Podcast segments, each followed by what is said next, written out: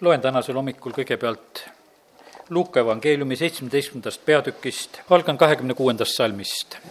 ja just nõnda, nagu sündis Noa päevil, nii on ka inimese poja päevil. Nad sõid ja jõid, võtsid naisi, läksid mehele selle päevani, mil Noa läks laeva ja tuli veeuputus ning hävitas nad kõik. nõnda samuti, nagu oli Loti päevil, nad sõid, jõid, ostsid, müüsid, istutasid, ehitasid hooneid aga sel päeval, mil Lott lahkus Soodomast, sadas taevast tuld ja väävlit ning hävitas nad kõik. otse niisamuti on sel päeval, mil inimese poeg ilmub. Jeesus räägib ja ütleb, et kui tema tulek jõuab lähedale, siis on olukorrad võrreldavad sel, nende aegadega, mis oli noapäevil või mis oli lotipäevil. ja Jeesus siin räägib seda, ütleb, et elu on võib-olla üsna tavaline. inimesed elavad ehitavad, söövad-joovad, ostavad-müüvad, istutavad ja ühtäkki juhtub see, et inimese poeg tuleb, Jeesus tuleb. mis on nende päevade selline nagu ühine joon, kui me mõtleme Noa ja Loti päevadele? ühiseks jooneks on see, et patt oli väga suur. mõlemal korral oli patt väga suur. ja Jeesus võrdleb seda, et see aeg, kui tema tuleb, siis ülekohus võtab väga võimust ja patt on väga suur. me elame praegu sellises ajas, et me võib-olla ei saagi aru, kui pimedas me oleme, sest me jumala lastena tuleme veel iga pühapäeval, ka nädala sees, tuleme Jumala kotta ja oleme valguse käes. me loeme Jumala sõna, meil on Jumala püha vaim ja kiitus Jumalale selle eest, et me ei ole mitte pimedas, vaid me oleme valguse lapsed. aga me näeme, meie ümber on see maailm üha pimedamasse olukorda sattumas suhtumised perekonda, emasse, isasse, need on ühtäkki nii kiiresti muutunud ja seda muutust me näeme just sellel aastal kaks tuhat neliteist ka. eilsel päeval, emadepäeva laupäeval, teadlased mitme ülikooli poolt võtavad sõna, et see kooseluseadus on hea, sellepärast et, et siis demokraatia areneb ja, ja siis, kui samasoolised saavad koos elada ja et see kõik on nii vajalik, et me teadlastena teame seda sama nädala sees oli see, et, et ärge kutsuge perekonnas omavahel isaks ja emaks üksteist, nimetage nime järgi, sellepärast et see ei ole hea, kui isaks ja emaks nimetada. kust kohast tulevad sellised üleskutsed ja asjad? Liidia Koidula tegi laulu ema südamest. kas see laul tuleb ringi teha? kas ta eksis? et see praegusel hetkel on ka inimestele Eestimaal veel armas nägime Eurovisiooni võistlused, mis siin olid, mina ei vaadanud neid, sest ei tahtnudki vaadata, e, selle tõttu, mis seal on nagu sündimas.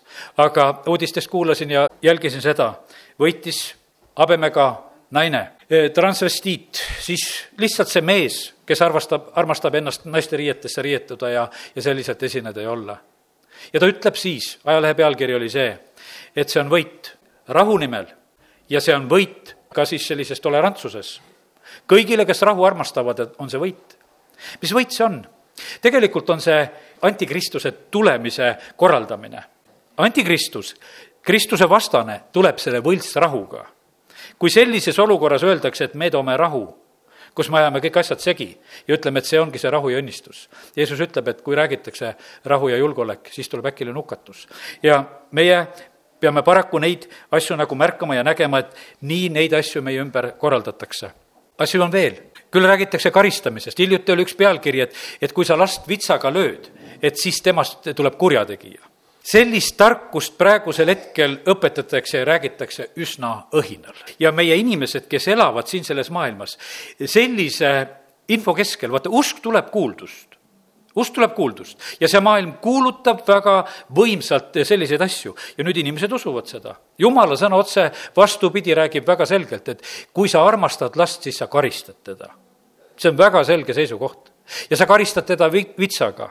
karistusvits ajab selle meeletuse, mis on poisi südames, ära sellest. tal ei tule surra, seal on tegelikult nii palju õnnistusi, mis on pandud sellesse sisse, et, et inimesed võiksid elada me ahhetame siis, kui noored mehed hukkuvad mitme kaupa auto avariides. aga jumala sõna ütleb, et karistusvits saadab selle asja ära, et ei tule surra.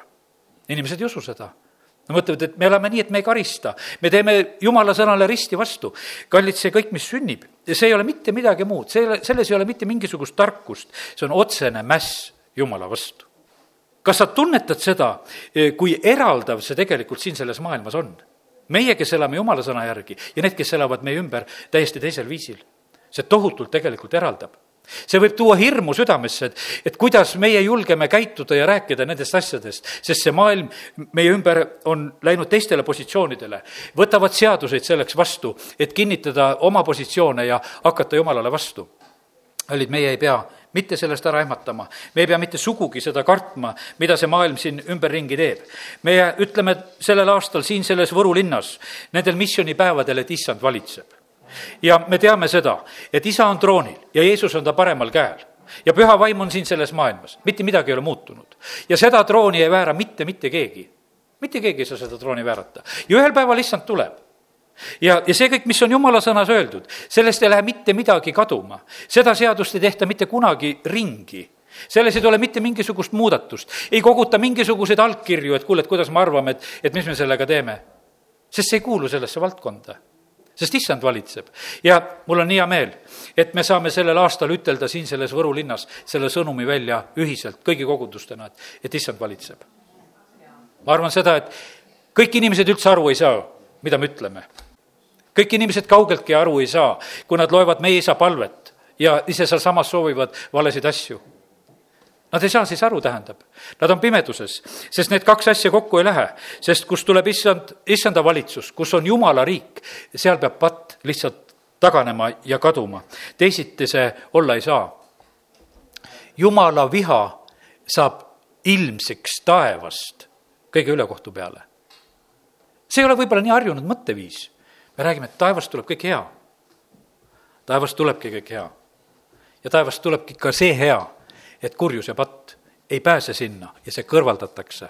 sellepärast, et piisab sellest needusest, mille all inimesed siin selles maailmas elavad. ja sellepärast Jumal loob uue taeva ja maa, kus õigus elab sees ja sinna ei pääse mitte midagi, mis ei ole puhas ja sellepärast kiitus Jumalale, et täna meie võime siin julgustada üksteist ja selleks, et me mitte ei kardaks eh, teha jumala sõna järgi, nimetada isaks ja emaks, nimetada eh, asju õigete nimedega, nii nagu jumala sõnas need asjad on.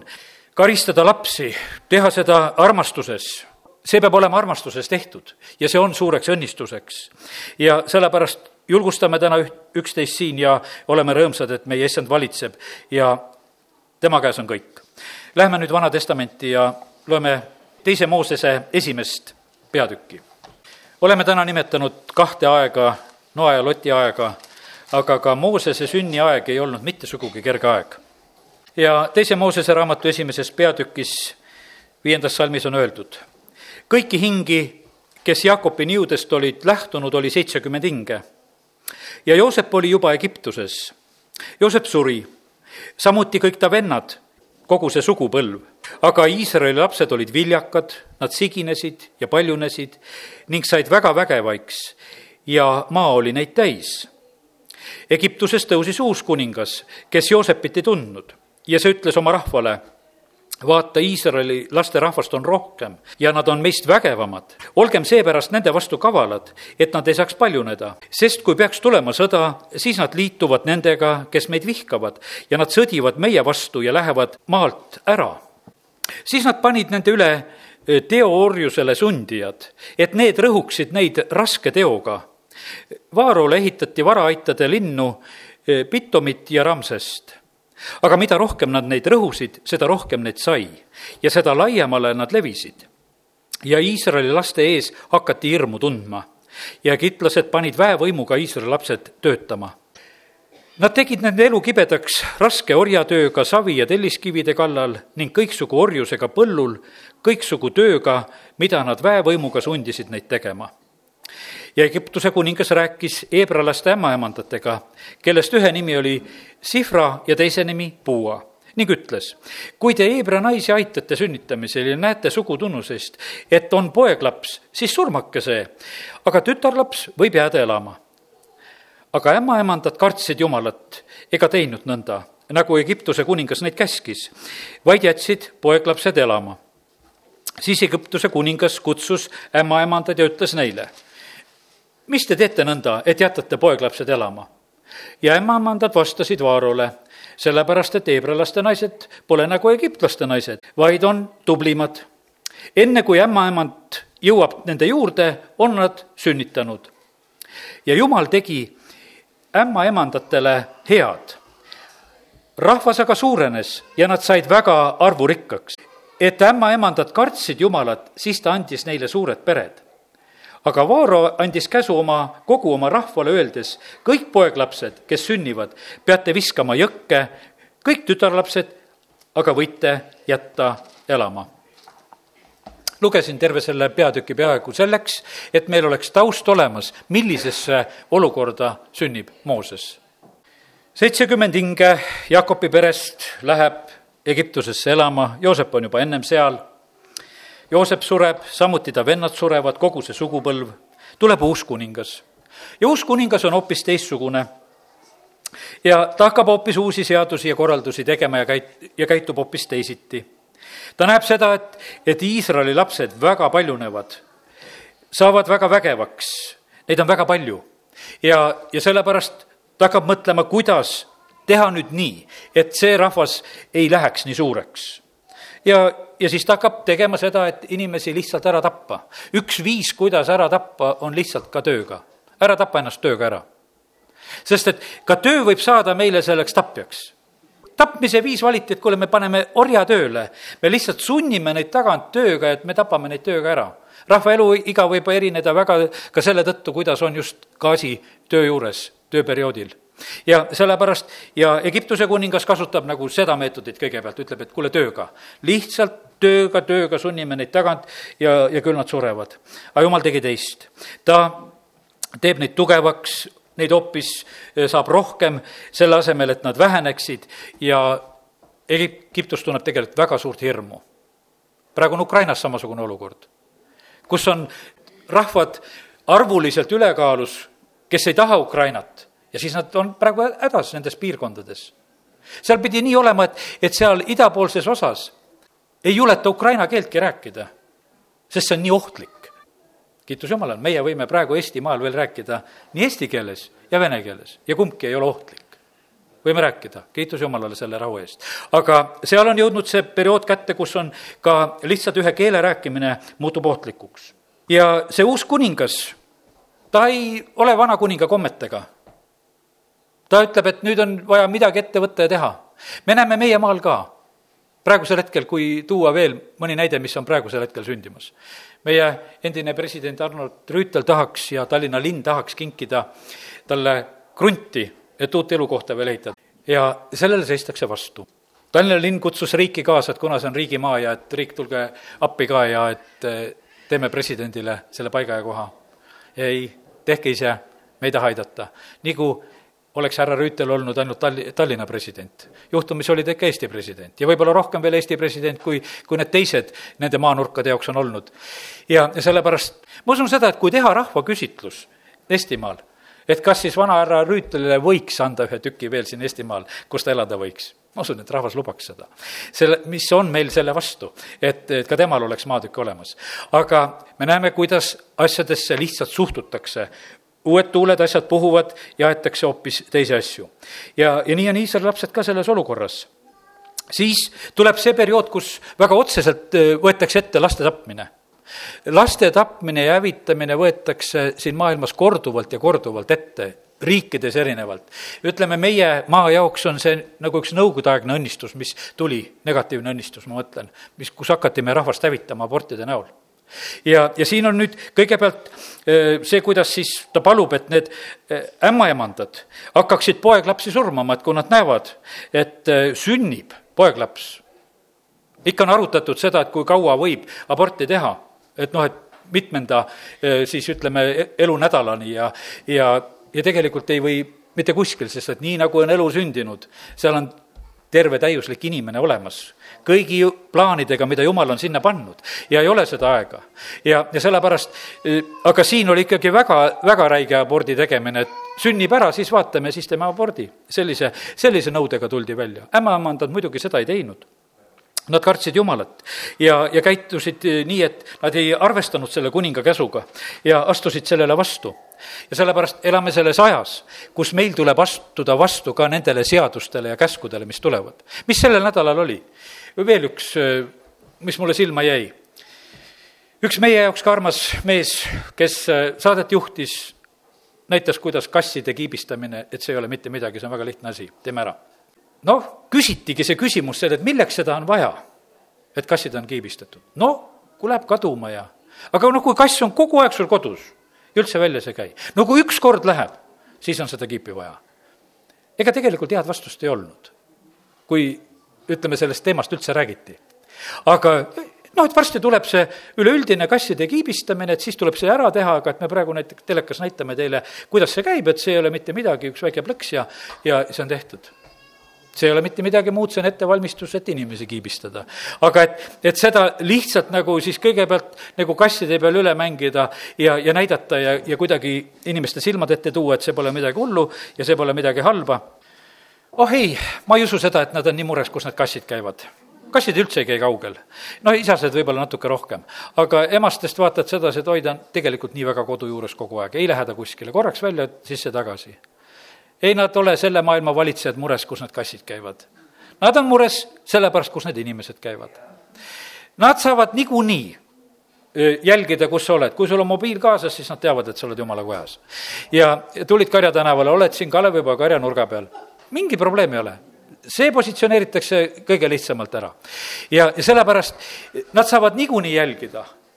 aga mure on selles, näed, koguduse ukse peal on ka silt, et mobiiliga ei tohi tulla ja ei saagi kontrollida, kus nad käivad. ja et mõni jätab maha ja sellepärast on tähtsam, kui oleks kiip sees, vaata siis saab alati kontrollida, kus on. vahest lihtsalt unustad mobiili maha ja, ja nad arvavad ekslikult, et sa oled teises kohas. ja mõni varastab ära ja ei tea, kus kohas oled, siis mõeldakse, et vaata, kus sa oled läinud veel. oled kuskil vargapesas juba. ja, ja sellepärast nii, nii need asjad võivad minna. aga me näeme, et see maailm on no nii tugevalt tegelikult liikumas oma plaanides, aga selles ei ole mitte midagi imelikku. Jeesus ütles, et nii nagu olid noapäevad, nii nagu olid lotipäevad, nii saab olema inimese poja päevil. ja kiitus Jumalale, et nendel mõlematel päevadel pääses vähemalt keegi, Loti pere pääses ja, ja, ja pääses Noa pere seal ja no vähe natukese pääses küll. aga kallid, nüüd, kui issand tuleb, siis pääseb palju rohkem ja sellepärast siis on kogudus, kuhu Jumal oma vaimu välja valab. Ja see on vastu minemas, lambid põlevad, pruutkogudus läheb vastu ja sellepärast kiitus Jumalale, et, et see aeg on tegelikult ees seismas. ja, ja sellepärast ärme kardame. panite tähele, need, kes kartsid Jumalat, ämmaemandad, neid Jumal õnnistas, kakskümmend üks salm siin, üks kakskümmend üks teisest Moosesest ütleb, et ämmaemandad kartsid Jumalat, siis andis Jumal nendele suured pered ja see ei ole ainult, et pered, et nendel oli palju lapsi, vaid kui seda sõna lugeda, siis see tähendab, et nende kodud ehitati üles. Nende kodudes oli õnnistus, kõiges. see ei ole ainult lasterohkus, vaid, vaid õnnistus oli nende pered üle väga võimsalt ja jumal tegi seda. ja sellepärast täna, kui me oleme siin selles jumala kojas, arvestame sellega, et, et jumal õnnistab oma lapsi Malachi raamat lõpeb sellega, et ta teeb vahe õigele ja õelale. ja, ja sellepärast täna me panime ohvriga kokku ja palusin just selle Malachi raamatu lõpu järgi seda palvet, et tuleks esile see, see on nii hea, kui jumal toob selle esile, selle õiguse, toob selle õnnistuse, avab taevaluugid, näitab seda, kes on tema. ja sellepärast nii ta näitas tegelikult Egiptuse rahva keskel, Iisraeli rahva peal, kuidas õnnistused on tehke, mis tahate, aga minu õnnistused lähevad edasi ja see rahvas saab aina suuremaks. ja vaatame nüüd Moosese sündi. väga ilus lugu, üks mees Leevi soost ja läks ja võttis Leevi tütre. mees võtab endale naise, väga normaalne. üks mees Leevi soost läheb, võtab Leevi tütre. naine jääb lapseootele, mitte mees. ning tõi poja ilmale. ta nägi, et see oli ilus ja ta peitis teda kolm kuud. no see, mis jumal teeb, no see on ilus jumal teeb, see kõik on hea. ja nüüd on see olukord, nad teavad sedasi, et tegelikult on tulnud Vaaro käsk, et kõik poeglapsed, kes sünnivad, need, need tuleb jõkke visata. ja nad on selle olukorra ees. ja kolmas salm ütleb, aga kui nad enam ei saanud eh, teda peita, siis ta võttis tema jaoks pilliroost laeka, pigitas selle maapigi ja vaiguga, pani sellesse lapse ja asetas jõe äärde kõrkjasse. tema õde võttis eemal aset, et teada saada, mis temaga juhtub. Siis tuli Vaaro tütar alla jõe äärde ennast pesema ja ta toaneitsid, aga kõndisid jõe kaldal kui ta nägi laegast kõrgete sees, siis ta läkitas oma teenija ja laskis selle ära tuua. kui ta selle avas ja nägi last, vaata, siis üks poeg, laps nuttis. aga ta halastas tema peale ning ütles, see on üks heebrealaste poeglaps. selle õde ütles Vaaro tütrele, kas pean minema ja kutsuma sulle heebrea naiste hulgast imetaja, et ta sulle last imetaks? ja Vaaro tütar vastas temale, mine. ja tüdruk läks ja kutsus lapse ema. ja Vaaro tütar ütles sellele, vii see laps ja imeta teda minu jaoks ja ma annan sulle tasu. ja naine võttis lapse ja imetas teda. kui laps oli kasvanud, siis ta tõi selle Vaaro tütrele. see võttis tema enesele pojaks, ta pani temale nimeks Mooses ja ütles, sest ma olen ta veest välja tõmmanud. nii on Moosese sündimise lugu. olukord ei olnud lihtne kuninga käsk oli poeglapsed hävitada ja Moosese vanemad ja eriti on siin räägitud emast, nad teevad nagu selle lahenduse, et me paneme küll sinna niilusesse, aga teeme talle nii, et teeme selle väikese pilliroost laeka, pigitame selle ja paneme teda sinna kõrkete sisse ja vaatame, mis sellest asjast edasi saab. õde saadeti ka veel jälgima ja vaatama ja sündmused lähevad edasi, nii nagu siin lugesime juhtub nii, et äh, ema saab veel lapse emetamise õiguse, saab tasu ja asjad arenevad selles mõttes selles perekonnas väga hästi. mis see oli?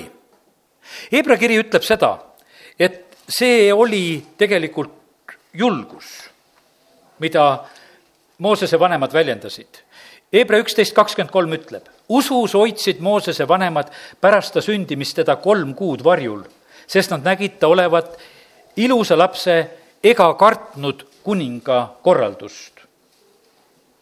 usus hoidsid.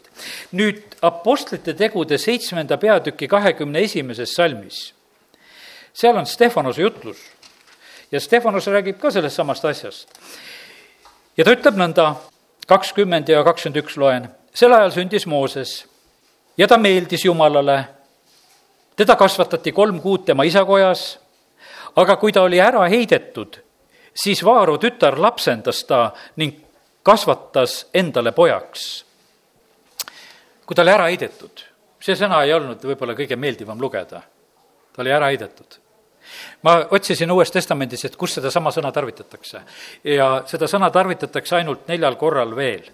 ja ja need teised korrad olid kõik sellise tähendusega, et, et see oli nagu ära seletatud või tegelikult oli see kuidagi ära lahendatud. siin Uus Testament tõlgib meile selle vanemate teo, et nad heitsid oma lapse ära. aga me võime seda tõlkida ka, et nad lahendasid seda asja. ja nad leidsid, et meil praegu muud lahendust ei ole. Me teeme selle korvikese, pigitame, paneme sinna kõrketesse, et siis justkui oleme täitnud ka kuninga käsu, et jõkke tuleb panna. aga noh, näed, paneme niimoodi, et ei upu ja kindlasti oli seal palju imet juures, et krokodillid ei tulnud ja kõik mis iganes, jumal oli niikuinii val-, valvamas. sest jumal pani tähele nende vanemate usku ja armastust. sest nad ei kartnud kuninga käsku. ja sellepärast täna kõik need asjad, millest me oleme juba rääkinud, ärme kardame õpetada isaks-emaks hüüdma, ärme kardame lapsi karistada, ärme kardame neid asju, mida see maailm võtab vastu, nendele asjadele me võime julgelt vastu hakata. Täiesti julgelt võime vastu hakata, siin ei ole mitte mingisugust probleemi, sest see seadus on üle kõigist nendest seadustest, mis iganes suudetakse vastu võtta kas Toompeal või Brüsselis, sest see on kõrgemalt. ja sellepärast meil on, kus on vastuolu sees, me võime täiesti julgelt käituda selle järgi. ja sellepärast, ja jumal on siis meie poolt. kui sa tahad tasu saada, sa pead olema julge. kui sa julge ei ole, siis sa tasu ei saa. Moosese vanemad olid julged ja ta sai selle lapse toetuse kohe, kiitus Jumalale. ta sai selle julguse eest, sellepärast et Jumal lihtsalt hoolitses ja näitas sedasi, et, et kõik asjad lähevad hästi, kui tegelikult armastate mind ja ei karda. psalm üheksateist on öeldud, ja kümnes salm ja sealt edasi. issanda kartus on puhas, see püsib igavesti. issanda seadused on tõde, need on kõik õiged issanda seadused on kõik õiged, mis on lapse kasvatamise kohta, mis on elu kohta, kõige selle kohta on lihtsalt õiged. siin ei ole mitte mingisugust eh, viga juhtunud sisse. Need on ihaldatavamad kui kuld, kui palju selget kulda, need on magusamad kui mesi ja kui kärjemesi. Ka sinu sulasele on need hoiatuseks ja nende pidamine toob suure palga. Nende pidamine toob suure palga, kui me peame jumala seadusest kinni, siis see toob meile suure õnnistuse. ja sellepärast täna tahan lihtsalt julgustada, ärge heitke ära oma julgust, mis saab suure palga. see on Hebra kiri eh, kümme kolmkümmend viis. Hebra kiri kirjutatakse sellel perioodil, kus tegelikult koguduse üle on varsti tagakius tulemas meie loeme neid, eh, ütleme, Uue Testamendi kirjasid hoopis teistmoodi, minevik, esimesel sajandil kirjutatud, aga nende jaoks eh, kirjutatakse kiri ennem seda, kui keiser Neero hakkab väga kristlasi taga kiusama. ja see, kuidas neid taga kiusati, see ei olnud nali, see oli surm. See oli surmaminek kristlastel. Ja siis Hebra kiri kirjutab, ütleb, et ärge siis heitke ära oma julgust, mis saab suure palga ja sellepärast meie täna ka, kui me räägime eh, nendest asjadest, kui me tahame Jumala käest saada suurt palka, siis me peame olema julged ja ei heida ära oma julgust ja elame julgelt Jumala sõna järgi ja, ja see on suureks õnnistuseks Hebra kiri üksteist kuus ütleb, aga ilma usuta on võimatu olla meelepärane, sest kes tuleb Jumala juurde, peab uskuma, et ta on olemas ja ta annab palga neile, kes teda otsivad. ja sellepärast oleme usus, oleme julged ja arvestame sellega, et Jumala käest tuleb tasu, tuleb õnnistus.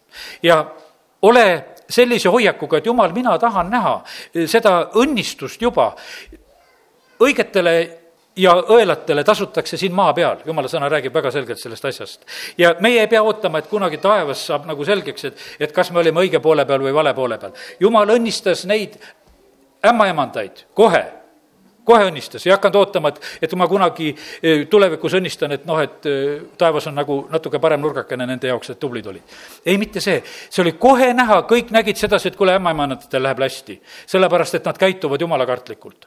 ja sellepärast meie ka, ole selle igatsusega, ma tahan näha sellel aastal. ma tahan näha sellel aastal. jumal, ma olen see, kes teenin sind, kes ma armastan sind, ma tahan näha seda, seda õnnistust ja jumal ei keela tegelikult seda meile. ja sellepärast ole selle, selle igatsusega. kui jumal kutsub Abrahami, siis eh, esimese Moosese viisteist ja, ja esimesest salmist on lugeda, pärast neid lugusid tuli Abrahamile nägemuse sissanda sõna, kes ütles, ära karda, Abram, mina olen sulle kilbiks, sinu tasu on väga suur. mis ta on seal ennem teinud? ta tegelikult on käinud sõjas, ta on toonud loti tagasi, ta on kümnist maksnud ja talle pakutakse seal, et veel, et ühte-teist, mida ta võiks nagu seda sõjasaaki võtta, aga jumal ütleb, et ära karda, Abram, mina olen sulle kilbiks ja sinu tasu on väga suur. ja sellepärast, kui me teenime Jumalat, kui me arvestame tema sõna ja käskudega, siis on tema meile kilbiks. ja tasu on väga suur. ja kui tema on meile kilbiks, siis on see tegelikult väga võimas. kolmapäeva õhtul rääkisime sellest, et, et kui Jumal hoiab meist tõve eemal, siis see on päriselt meist eemal hoitud. ta õnnistab meie leiba ja vett ja ta hoiab tõve meist eemal me saame arvestada sellega, mida Jumal meie jaoks teeb. ja see maailm ütleb, et, et ärge sõitke sinna ja ärge sõitke tänna ja pange nüüd maskid ette ja, ja nüüd vaktsineerige ja tehke vaktsineeri ennast jumalas ära. ja ta hoiab tõve sinust eemal ja see, see võimalus on olemas ja sellepärast meie võime sellega arvestada, et, et kui me võtame jumala sõnast kinni, me oleme hoitud, me oleme õnnistatud. kiitus Jumalale selle eest. jumal on oma sõna taga ja kui me võtame sellest usust kinni, ei jää häbisse. kiitus Jumalale, et Jumal on hea. võtame veel ühe näite, kuidas äh, Jumala sõna julgustab. teise ajaraamatu viisteist seitse aga teie olge vahvad ja ärge laske oma käsi lõdvaks, sest teie tööl on tasu. see on kuningas Aasa aeg. ja milles on jutt? teise ajaraamatu viisteist, kuningas Aasa on mis asju tegemas, neliteist peatükk räägib, kui Aasa saab kuningaks, ta kõrvaldab võõrad altarid ja ohvrikünkad, murdis katki ja raius siis puruks need viljakustulbad. ja kui ta seda teeb, mis juhtub selles riigis? Neli sellest samast peatükist ütleb, tema ajal oli kuningriigil rahu tema ehitas Juudasse kindlustatud linnu, kuna maal oli rahu ja neil aastal ei olnud tema vastu sõda, sest issand lubas teda hinge tõmmata. praegusel hetkel meie sõdurid tulid Afganistanist tagasi, teised läksid Kesk-Aafrikasse, seda tehakse kõike rahu nimel. et meie saaksime siin sellel maal rahus elada. kõige suurema rahu toob see, kui ebajumala teenimine sellel maal lõpetatakse kui me pöördume Jumala poole, see toob kõige suurema rahu. seal ei olnud mitte midagi muud. ta kõrvaldab võõrad altarid, võtab maha ohvrikünkad, mis on valed, murrab katki need sambad, viljakustulbad ja, ja siis jumal õnnistab selle rahuõnnistusega seda rahvast sellisel moel. ja viisteist seitse oli öeldud see salm siis, aga teie olge vahvad ja ärge laske oma käsi lõdvaks, sest teie tööl on tasu. täna me oleme siin selles jumala kojas, varsti teeme missioonipäevasid. me missioonipäevadele tuleb, võiks ütelda, parim Baltikumis, kõige vale vastu võitleja Aleksei teab. kuidas ta oli ruuporiga seal Riia tänavatel? ta on Läti riigi poolt autasustatud, õnnistatud sellel hetkel, kui, kui Lätis olid ohvrid, kui vabadus tuli ta on seal eh, kuulirahe all väljas tänaval evangeeliumi kuulutamas, palub päästepalvet rahvaga. see snaiper, kes tema peale sihtis, tuleb hiljem tunnistab, ütleb, et sina olid minu sihikul, aga laskmata jäi. See sai päästetud ka veel. ja Läti riik aastaid hiljem, nüüd leidis, et kuule, sellele mehele tasuks anda mingi autasu, anti talle, ma ei oska seda ordeni taset ütelda, milline see tal oli. samamoodi, kuidas ta oli väljas, kui oli homoparaadid Riias. ta oli tänavatel, piibel käes, kuulutab jumala sõna, hüüab seal ruuporist. see tõi õnnistuse, et mitmeks aastaks tehti moratoorium, et homoparaadid ei tule. Nad ise otsustasid omad, et me ei tule Riia linna, et see on nii vastik linn.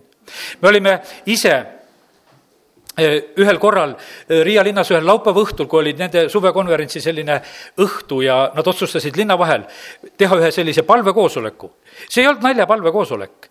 lava oli üles pandud, täistehnika oli üles pandud, katusega lava oli üles pandud. spordihall oli samal ajal renditud, kus nad neid konverentsikoosolekuid pidasid. ja teise kohta nad panid täisvärgi ülesse, et minna teha üks väikene palvekoosolek korraks linna ja rääkida selle linna üle õnnistust. ma mäletan sellel korral, rahvast ei olnud ka seal eriti palju laupäeva õhtu, linnad jäävad nagu vaiksemaks. seal palutakse Riia linna piiride pärast, et kurjus ei tuleks sellest üle. ja siis hiljem mustlased räägivad seda, et kuule, ei saa Riias narkotsi müüa, alati jääd vahele.